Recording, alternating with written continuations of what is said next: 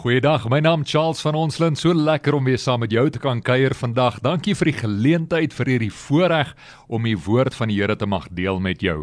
Uh dit is 'n besondere dag vandag en ek sê altyd want dis die waarheid want dis wat die woord sê dat vandag is die dag wat die Here gemaak het.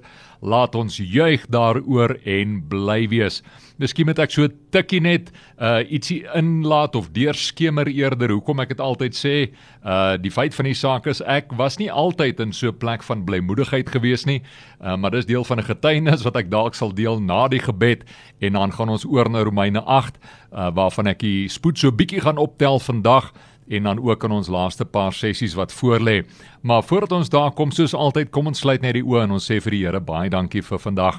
Vader, baie dankie, Hemelse Vader, liefdevolle, goeie Hemelse Pappa. Dankie vir hierdie wonderlike dag wat U vir ons gegee het, hierdie voorreg om te kan lewe, hierdie voorreg om te kan asemhaal, om die lug van die lewe in ons longe te kan hê, om die beweging van u gees in ons binneste te kan ervaar. U is waaragtig 'n goeie hemelse Vader. U het ons so lief, u het vir ons lewe gegee en lewe in oorvloed. En ek bid Vader vandag soos wat u woord uitgaan soos wat ons u woord aanhoor dat die woord sal ingang vind en laat dit sal kragtig wees in ons lewens laat dit 'n verskil sal maak in ons lewens in ons harte laat ons werklik sal hoor wat u vir ons wil sê en laat deur u woord U dit skuif in ons denke wat vir ons onmoontlik is om te skuif, maar laat U woord werklik vir ons 'n nuwe baan oopweg en laat ons die denke van God, die plan en die wil in die hart van God ons Vader kan sien en opnuut beleef. Ek bid vir elke luisteraar mag hulle regtig deur die woord verkoop word vandag, versterk word en bemoedig word in die wonderlike naam van Jesus Christus bid ek dit. Amen en amen. Nou ja, soos ek sê, so lekker om met jou te kan wees. Wat 'n voorreg om die woord te mag deel. Dankie weer eens vir die geleentheid. En ehm um, soos ek so vluggies na verwys het, uh, ek was nie altyd so blymoedig nie. Uh die realiteit is as mense nou temperamentstipe sou ken, jy kry basies 4 uh soorte temperamentstipes as ek nou terugdink aan die tyd van uh wat geskryf was uh rondom die Grieke en ek ek verstout my amper om te sê ek dink dit was Hippokrates uh of ehm uh, Filio, een van daai manne, een van daai Griekse filosowe wat gesê daar's mos nou vier basiese temperamentstipes uh wat voorkeure mos maar eintlik aandui van almal van ons en dis flegmaties, melankolies, koleries of sanguin. En ehm um, ek het eintlik maar half groot geword en al die jare uh groot geword en opgegroei in 'n melankoliese temperament. Nou die wat 'n melankoliese temperament verstaan, dis 'n temperament wat op en af is, op en af en as jy op is, is jy baie bo en dan gaan dit wonderlik en lekker met jou en jy's vol vreugde. Maar kyk, ou maat, as jy af is, is jy af. En uh daar's baie begaafde mense wat melankoliese temperamente dra. Om die waarheid te sê, meeste van jou uh uitsonderlike musikante en begaafde kunstenaars is melankolies in temperament, maar God wil hê laat ons die Christus temperament moet hê. Nou die Christus temperament is 'n temperament waar ons 'n geesbeheerde lewe leef en dit is hoekom ek begin praat het verlede week uit Romeine 8 oor 'n geesbeheerde lewe, lewe van oorwinning. Onthou, dis waaroor ons gesels, lewe van oorwinning, want 'n lewe van oorwinning kom vanuit 'n geesbeheerde lewe, 'n lewe wat deur die Gees van God beheer word. En dan kan ons maar 'n bietjie van 'n melankoliese temperament hê of 'n sanguin of 'n flegmatiese temperament wat daardie besadige temperament is wat altyd net uh steady is as ek die Engelse woord kan gebruik. Hy gaan nie op en af regtig nie. Hy bly maar net altyd dieselfde um in sy temperamentsvoorkeur. Maar die beginsel bly dat ons nie daardeur beheer moet word nie. Ons moet geesbeheerd leef. En dis hoekom ek altyd sê, vandag is die dag wat die Here gemaak het. Laat ons juig daaroor en bly wees want ons liewe Vader het met my pad gestap soos ek seker is met jou en met baie van ons luisteraars dalk ook 'n pad gestap en met my gepraat en gewerk en gesê my seun maar moenie so op en af wees nie. Moenie beheer word deur hierdie temperament tipe van jou nie want dis nie wie jy is nie. Jy is nie 'n melankoliese persoon nie. Jou identiteit in Christus gefundeer soos ons laas ook van gepraat het in 2 Korintiërs 5:17 en 18 Jou temperament in Christus is 'n temperament wat geesbeheerd leef en wat bo die omstandighede leef. Wat nie leef vanuit 'n dimensie van maar dis hoe ek voel nie, want Hebreërs sê vir ons baie duidelik die regverdige sal nie leef deur gevoel nie, nie deur wat hy of sy voel nie, maar deur geloof. En daarom leef ons vanuit geloof, vanuit geloof in die woord van God wat die krag het om ons siele te red, die krag het om ons denke te red en daarom praat ons rondom die woord, praat ons met mekaar rondom dit wat die Here vir ons wil sê. En daarom kyk ons dan weer vandag verder na Romeine 8 oor die geesbeheerde lewe, die lewe wat God wil hê ons moet lewe, want dit is die sleutel waarin die lewe van oorwinning lê vir jou en vir my en vir almal van ons op hierdie aarde. Ek het gelees laas uh, Romeine 8 vers 1 tot 6 en dit was ons vorige twee sessies nou in die laaste twee sessies uh, moet ek my beywer om die waarheid te sê dalk nog 3 maar ek gaan probeer die laaste 2 nog doen. Ehm um, gaan ons heelwat meer spoed optel in die laaste 2 sessies wil ek graag klaarmaak met Romeine 8 want dit is so 'n besondere stuk. So kom ons kyk of ons dit so gedoen kan kry.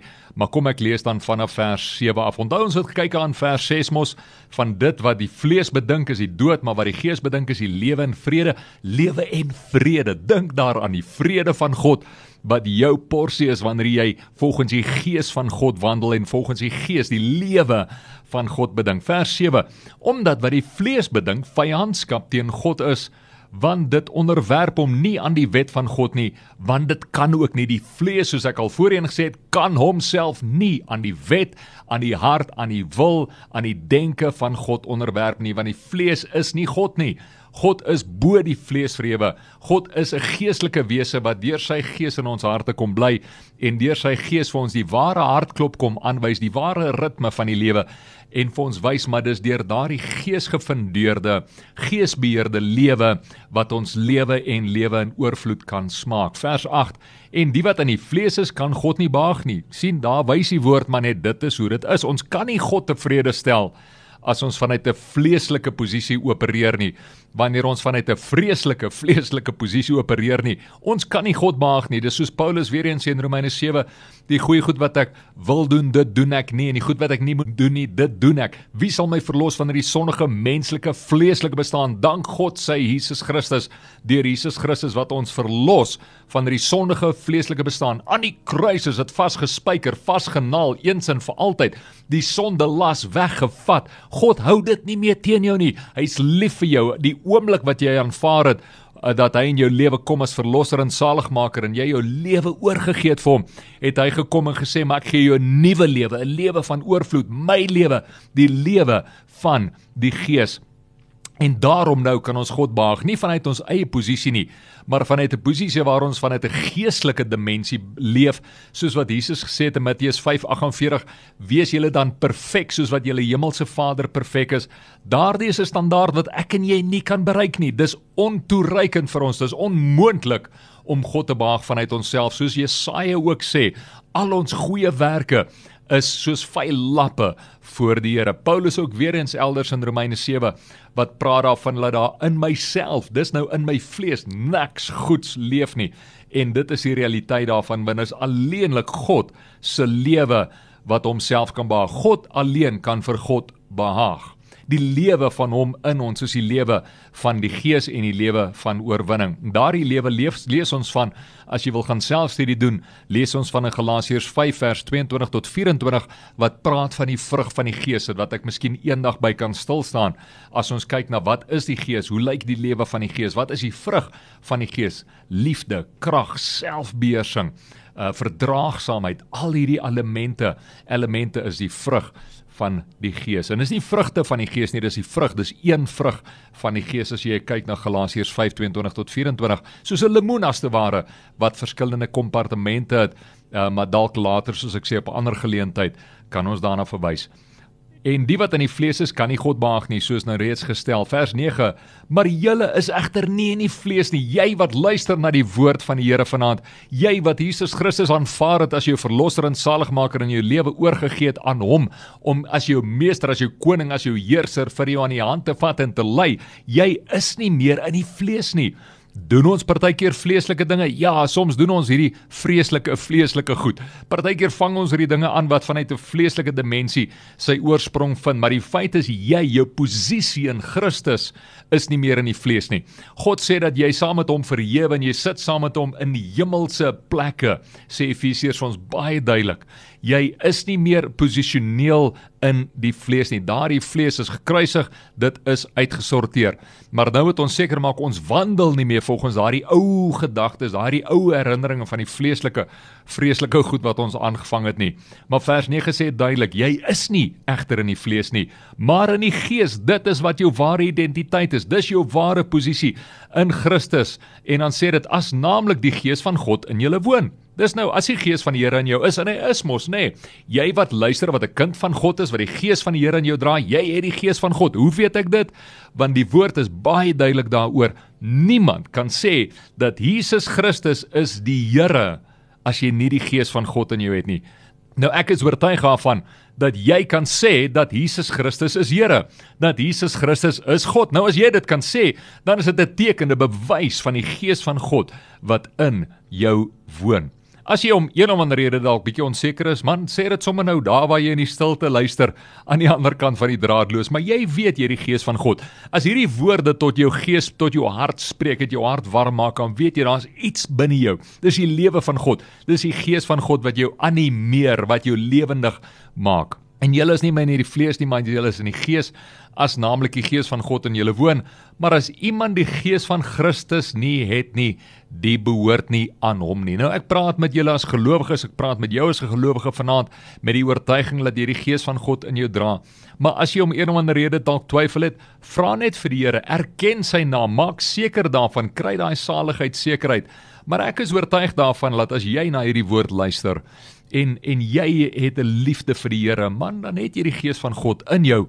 En veral dan mos nou as jy kan bely dat Jesus Christus is jou Here, jou verlosser en jou saligmaker. As daar enige onsekerheid is, laat weet my. Maak kontak. Die mense by die radiostasie het my besonderhede. Saligheid sekerheid is belangrik, maar dit wat ek vir jou wil sê is die feit dat jy na hierdie woord luister en daar's iets in jou hart wat brand, daar's iets in jou hart wat resoneer hiermee, beteken dat jy dra die gees van God in jou. So wandel in die sekerheid daarvan. Die feit dat God jou getrek het na sy woord, die feit dat jou ore oop is vir dit wat God die Vader, jou Vader, jou Pa vir jou wil sê, beteken jy dra die gees van God in jou lewe. So jy is nie in die vlees nie, jy is in die gees. Vers 10. Maar as Christus in julle is, soos hy is, soos hy is, Christus is in jou, die hoop op glorie soos Kolossense 1:27 sê. As Christus in jou is, soos hy is, dan is die liggaam dood vanweë die sonde, maar die gees is lewe vanweë die geregtigheid. Weerens dit gaan terug na ons vroeë gesprek 'n paar weke terug waar Jesus Christus aan die kruis Kolossense 2 hier vanaf vers 7 deur na 15 toe. Kolossense 2:7 tot 15 daai hele gedeelte besondere stuk om te lees het hy met die volheid van God in hom. En jy wat in volheid in hom is het hy alles wat van jou sondig was het hy gekruisig aan die kruis. Dis vasgenaald in die kruis al die verordeninge, al die aanklagte, alles, al die sonde, al die slegte goed, alles het aan die kruis vasgenaal. Dit het geen meer hou vas op jou nie. Dit het geen meer reg in jou lewe nie. Daarom laat ons soos Paulus kan sê in Galasiërs 2:20, ek is gekruisig en jy kan dit sê vandag, ek is gekruisig saam met Jesus Christus. Die lewe wat ek nou mee leef, leef ek nie uit my eie vermoë nie, ek leef dit nie meer uit my eie lewe vleeslike vermoë, my vermoë om God te probeer behaag nie. Nee, Daardie lewe leef ek vanuit die gees van God, vanuit die geloof van die seun van God wat in my woon. Dis die krag, dis die realiteit van hierdie lewe van God almagtig wat in jou woon. En hy sê vir jou dat as hierdie Christus in jou is soos hy is, dan is jou liggaam dood. So moenie bekommer mee oor jou liggaam en jou sondige vleeslike natuur nie. Daai ding's vasgenaal teen die kruis, dis gekruisig. Dit is uitgesorteer. Maar die gees is lewe vanweë die geregtigheid van God. Hierdie gees wat God vir jou gegee het, hierdie dimensie van wie God homself is, van wie hy in homself in jou ingebore het as te ware. Daardie geesdimensie is 'n gees van lewe en geregtigheid. Jou stand in Christus is geregtig. Jou posisie saam met hom op die troon, soos wat jy gesetel is saam met hom in hemelse plekke, soos Efesiërs van praat. Daardie posisie is sekuur, dis veilig. Dis 'n plek van geregtigheid. So daarom kan ons nie en mag ons nie toelaat dat waar die vyand ons kom aankla in ons denke rondom geregtigheid nie. As jy voor God gekom het in Jesus Christus en jy het gesê Vader vergewe my ek het die merk gemis, het hy jou vergewe eens en vir altyd. Jy hoef nie aanhoudend die hele tyd om verskoning te vra nie. Hy het dit eens en vir altyd gedoen. Nie om te sê dat dit nie 'n goeie gewoonte is nie. Ek doen dit gereeld om die waarheid te sê daagliks. As ek die merk mis en maar ek doen dit meer vir my onthaalwe om te erken ek het die merk gemis, ek het 'n fout gemaak om te leer uit my foute uit, maar dit is nie 'n sondebewustheid nie. Dis nie 'n veroordelende ding nie. Want onthou Romeine 8 vers 1 waar ons begin het, daar's geen veroordeling vir die wat in Christus is nie. Jy wat in Christus is, daar's geen veroordeling vir jou nie. God het jou vrygemaak deur sy gees. So nou leef ons van net hierdie posisie van geestelike geregtigheid voor God. Alle aanklagte is verwyder. Wat 'n wonderlike wete om nie dit te weet nie. Dis vanuit daardie posisie van die vrede, van die liefde, van die vreugde van God wat jy lewe en lewe in oorvloed kan geniet. Vers 11 En as die gees van hom wat Jesus uit die dode opgewek het in julle woon, dan sal hy wat Christus uit die dode opgewek het, ook julle sterflike liggame lewend maak deur die gees wat in julle woon. Wat 'n besondere stuk. Kom ek eh, trek net so bietjie uh die vleis van die bene af. Laat ek net so bietjie uitmekaar uittrek vir ons laat ons dit beter kan begryp. Wat hier staan vers 11 is so besondere vers. En as die gees van hom wat Jesus uit die dood uit opgewek het in julle woon, dis wat ek nou net gesê het, die hele afgelope paar minute, die gees van God wat in jou woon, die lewe van God wat in jou woon, glo jy dit? Glo jy dit? Vat dit want dis die waarheid. Dis die realiteit as die gees van hom wat Jesus uit die dood opgewek het in julle woon, hy wat Jesus uit die dode opgewek het. Daardie selfde opstanningskrag, daardie selfde opwekkingskrag wat hy Jesus uit die dode opgewek het, as daardie gees in jou woon, daardie selfde opwekkingskrag, dan luister hierna, as hy in julle woon, dan sal hy wat Christus uit die dode opgewek het, ook julle sterflike liggame lewend maak deur die gees wat in julle woon. So hierdie selfde God met dieselfde opstanding, opwekkingskrag wat hy Jesus Christus uit die dood uit op, opgewek het, daardie selfde God sê Paulus vir ons, sal ons my jou liggaam sal hy kragtig en lewendig maak deur die gees wat in ons woon. Nou ja, hierdie is natuurlik vir eendag bedoel. Dis natuurlik bedoel in 3 dimensies, nie net eendag nie, maar in 3 dimensies. God het ons lewendig gemaak in Christus Jesus deur ons te wederbaar deur sy Gees, sy Gees wat in jou woon en hy gaan ons eendag in ons lewende in ons liggame weer lewendig oprig. Ons stoffelike st eh, afgesterwe liggame gaan weer afgestorwe liggame gaan weer opstaan in die heerlikheid van 'n verheerlikte liggaam. Maar besef ook dat daar 'n huidige applikasie nou, daar's 'n um huidige applikasie in jou huidige toestand wat God vir jou nou sê ek kan nou reeds ek wil nou reeds jou lewendig maak in jou liggaam. Waarvan praat jy Charles? Bly het gevra. Die feit van die saak is ons liggame is sterflik. Ja, ons liggame mag dalk ook agteruit gaan op 'n sekere stadium, maar die feit is die gees van God wat in ons liggame woon, het die krag, het die vermoë en daardeur wil ek jou net aanmoedig om dit te besef en daarin in te tap, om in geloof daarin in te druk. Dit wat in jou leef is God homself. Dit wat in jou binneste in jou hart klop, in jou denke rond beweeg deur al die neurons, al die stroombane, alles wat daar so opereer, lewendig is en bestaan, alles wat binne jou is as jy gewederbaar is deur die gees van God, is God homself. Dis die gees van God, dis die lewe van God, dis die krag van God Almagtig. Want dis wat die woord vir ons sê, nie net hier nie, maar ook 2 Petrus 1 as ons reg onthou en lees daar, nê, wat praat vanuit ons alles gegee wat ons nodig het vir 'n lewe van goddelikheid. Dis die krag van God, dis die lewe van God wat ek wil hê jy moet besef en wat die Here wil hê ek en jy elkeen van ons ten diepste moet besef en waardeer wat in ons leef, meer belangrik, meer akkuraat wie dit is wat in ons leef. Jesus Christus homself leef binne in ons. En as daardie krag van God wat in Jesus hom opgewek het uit die dood uit, daardie selfde krag kan my en jou opwek in ons omstandighede ook waar partykeer ou voel, maar 'n ou wandel in 'n plek van half doodsheid, nê, nee, 'n plek van negativiteit, 'n plek waar jou liggaam nie lekker voel nie. En ek praat nie net van fisiese gesondheid nie, so belangrik as wat dit is, maar ek praat ook van emosionele gesondheid. Ek praat van 'n 'n denke wat geanker is in die lewe van God, die oorvloed van God, die sprankel van God. denke, 'n lewe, 'n hartklop, longe wat asemhaal, wat uitroep na die Here elke dag, elke oomblik en sê Here, dankie vir hierdie dag want dit is die dag wat U gemaak het. Ek sal juig daaroor en bly wees want dis die realiteit van hierdie gesondmakende gees wat in jou woon. So as daar iets in jou liggaam is fisies of of emosioneel wat nie lewe en lewe in oorvloed is nie, wil ek in geloof tot daardie ding spreek vandag deur hierdie ehm um, woord wat ek deel en ook in gebed as te ware nou eintlik deur gebed sommer net oor jou verklaar. Mag jou liggaam, mag elke sel in jou liggaam die krag en die lewe van God beleef soos wat die krag van sy Heilige Gees wat in jou leef net tot volheid kom en daardie selfde opwekkingskrag jou lewendig maak deur die gees van God wat in jou woon. Ek verklaar dit en ek glo dit oor jou. God is nie 'n mens laat hy sal lieg nie. Daardie lewendmakende krag is jou porsie. Dit is tot jou beskikking. Kom ons dink aan 'n onlangse 'n voorbeeld wat ons gehad het. Die eerwaarde Billy Graham wat geleef het tot op tot op die ouderdom van 99 jaar. 99 jaar en nog aanhoudend die woord van God bly verklaar het. Ons het met heimwee geleer ook nou van die afsterwe van 'n baie geliefde uh, teoloog ook 'n internasionale teoloog J.I. Packer wat op die ouderdom ek dink amper van 102 of 103 nou oorlede is. Nou dit gaan nie oor groot en hoë ouderdomme nie, maar dit gaan oor 'n lang lewe. Die woord sê eer jou vader en jou moeder laat jy lank mag lewe in die land wat wat God jou vader vir jou God vir jou gegee het.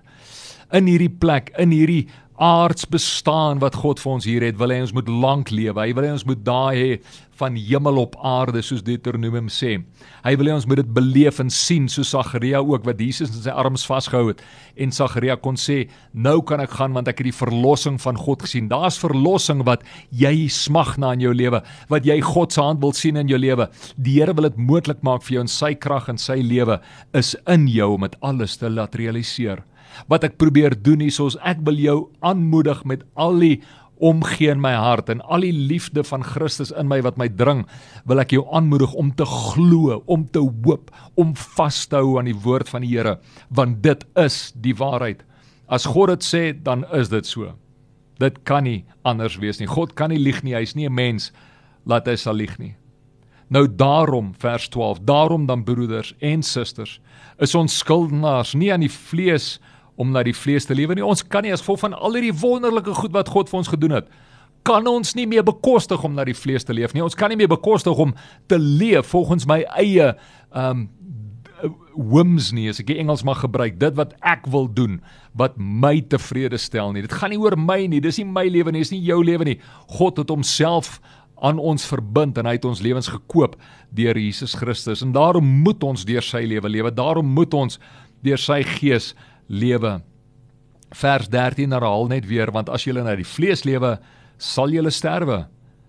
En hierdie sterwe praat nie net van fisiese sterwe nie, dit praat ook van sterf in terme van emosionele, geestelike omstandigheids ervarings, die lewe wat jy wil probeer bou, dit wat jou lewendig maak ook in jou menswees, daardie dimensie, daardie aspek van van die lewe geniet, van 'n lewendige lewe ervaar, van 'n vreugdevolle lewe ervaar. My pa het altyd gesê en en ek wil hom eer daarvoor, Robert van Onslin, altyd gesê, my pa het altyd gesê, jy bepaal jou eie geluk. Jy's verantwoordelik vir jou eie geluk en dit is so waar. Jy bepaal dit, jy's verantwoordelik daarvoor maar die realiteit is daar's 'n bron, daar's 'n plek waar dit vandaan kom. En die plek waarvan vandaan af kom is vanuit die gees van God, die lewe van God, want dis daar waar ons die besluite kan neem en bekragtig kan word om die geestelike oorvloedige vreugdevolle lewe te leef wat God vir ons oorgeoormerk het. Jy sien dis 'n besluit. En die belangrikste besluit hier om te neem weer eens vers 13 is om nie na die vlees te lewe nie. Want as jy na die vlees lewe die eie ek, soos my pa ook altyd gesê, die eie ek, as ek leef net na my eie ek, my eie sin, my vleeslike begeertes. Dit is hoe mense die vlees kan herken. Die vlees is altyd ek, ek, myself, my eie ek. Wanneer ek wil leef na my eie begeertes, dan sal ek die dood tegemoet gaan en weer eens dis nie net dood fisies nie, maar dood, dood ook oor omstandighede en dood oor die kwaliteit van lewe wat God eintlik wil hê ons moet in oorvloed beleef deur Jesus Christus vers 13 Maar as julle deur die gees die werke van die liggaam doodmaak, sal julle lewe. Hoe werk hierdie doodmaak? Dis eenvoudig deur nee te sê. Eenvoudig deur nee te sê vir die vlees, eenvoudig deur nee te sê vir die verkeerde goed en om ja te sê vir God, om ja te sê vir sy woord, om ja te sê vir die lewe na die Gees. Vers 14 Want almal wat deur die Gees van God gelei word, die is kinders van God. Jy is 'n kind van God as jy deur die Gees van God gelei word. Want jy het nie ontvang vers 15 Jy het nie ontvang 'n gees van slawerny om weer te vrees nie. Nee, glad nie. God is liefde, hy is nie vrees nie. En hy wil nie ons moet vrees ooit nie, maar jy het ontvang die gees van aanneming tot kinders deur wie ons roep Abba, Vader. En daardie woord Abba is die Arameese uh, troetelwoord as te ware, uh, die woord van 'n bewondering wat Papa is. Papa Vader, Abba, Papa Vader. Die gees van aanneming waardeur ons kan roep Abba, Vader. Vers 16: Die Gees self getuig saam met ons gees dat ons kinders van God is. Vers 17: En as ons kinders is, dan ook erfgename erfgename van God en mede-erfgename van Christus as ons naamlik met hom ly sodat ons ook saam met hom verheerlik kan word. Dit dan tot vers 17.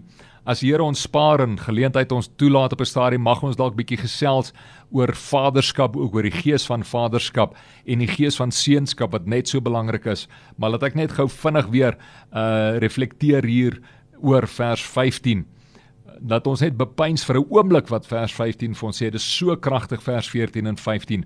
Want almal wat deur die Gees van God gelei word, is kinders van God vers 15, want jy het nie ontvang 'n gees van slawerny om weer te vrees nie, maar jy het ontvang die gees van aanneming tot kinders deur wie ons roep Abba Vader, Papa.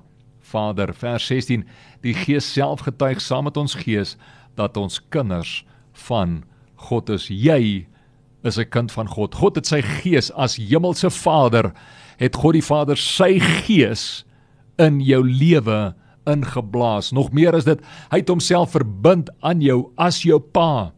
Nou Jesus sê elders as ons as aardse vaders wat in vergelyking met God die almagtige Vader as ons as aardse vaders um goeie goed teen ons uh, vir ons kinders doen en uiteindelik boos is of of uh, onderdanig is dit is uh, tweede of derde vierde klas dit is heel agter in die ry van goeie intensies goeie werke in vergelyking met wat God kan doen hoeveel te meer sal dit wat ons goed doen as aardse vaders hoeveel te meer sal ons hemelse Vader nie verder gaan nie en dis wat die res van Romeine 8 ook van praat wat ons later na sal kyk 'n volgende geleentheid waar God die Vader sê ek is jou pa Ek is lief vir jou. Ek het my lewe vir jou gegee.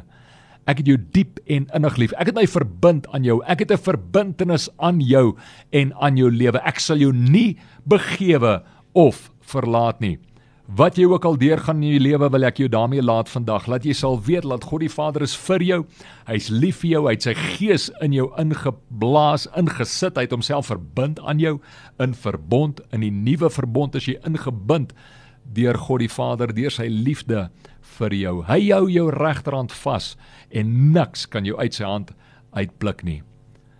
Sien aan uit om weer met jou volgende keer te kan gesels as Here ons spaar hoe Romeine 8 verder en sy wil is so en mag jy regtig verkoop en versterk word deur die woord soos wat jy ook self studie doen en ek wil jou aanmoedig vat Romeine 8 lees dit net weer 'n slag deur uh, onderstreep dit in jou Bybel as jy onderstreep in jou Bybel of maak notas net soos wat jy studeer ook, maar maak notas en laat die woord van God jou opnuut net verryk en versterk in die naam van Jesus Christus. Kom ons bid saam. Vader, baie dankie vir u woord. Dankie dat u bemoeienis maak met ons. Dankie dat u lief is vir ons. Dankie vir u hand oor elkeen van u seuns, u dogters wat luister na hierdie uitsending. Ek wil oor elke luisteraar wil ek die guns, die genade, die vrede van God verklaar. Dankie vir goedheid en guns wat hulle volg al die dae van hulle lewe. En dankie dat ons deur die Gees van God gelei kan word en soos kinders, u kinders kan uitroep: Abba, Papa, Vader. Dankie vir u groot groot liefde oor ons en dankie dat u so wonderlike Papa Vader is wat ons diep en innig liefhet. Ons eer u en ons loof u in die wonderlike naam van Jesus Christus, ons saligmaker en verlosser. Amen en amen. Mag dit baie goed gaan met jou. Alle sterkte en voorspoed vir die week wat voorlê. Weet dat die Here is met jou. Weet dat die Here is vir jou en dat hy goeie planne vir jou het, planne van voorspoed en nie teëspoed nie. Tot 'n volgende keer.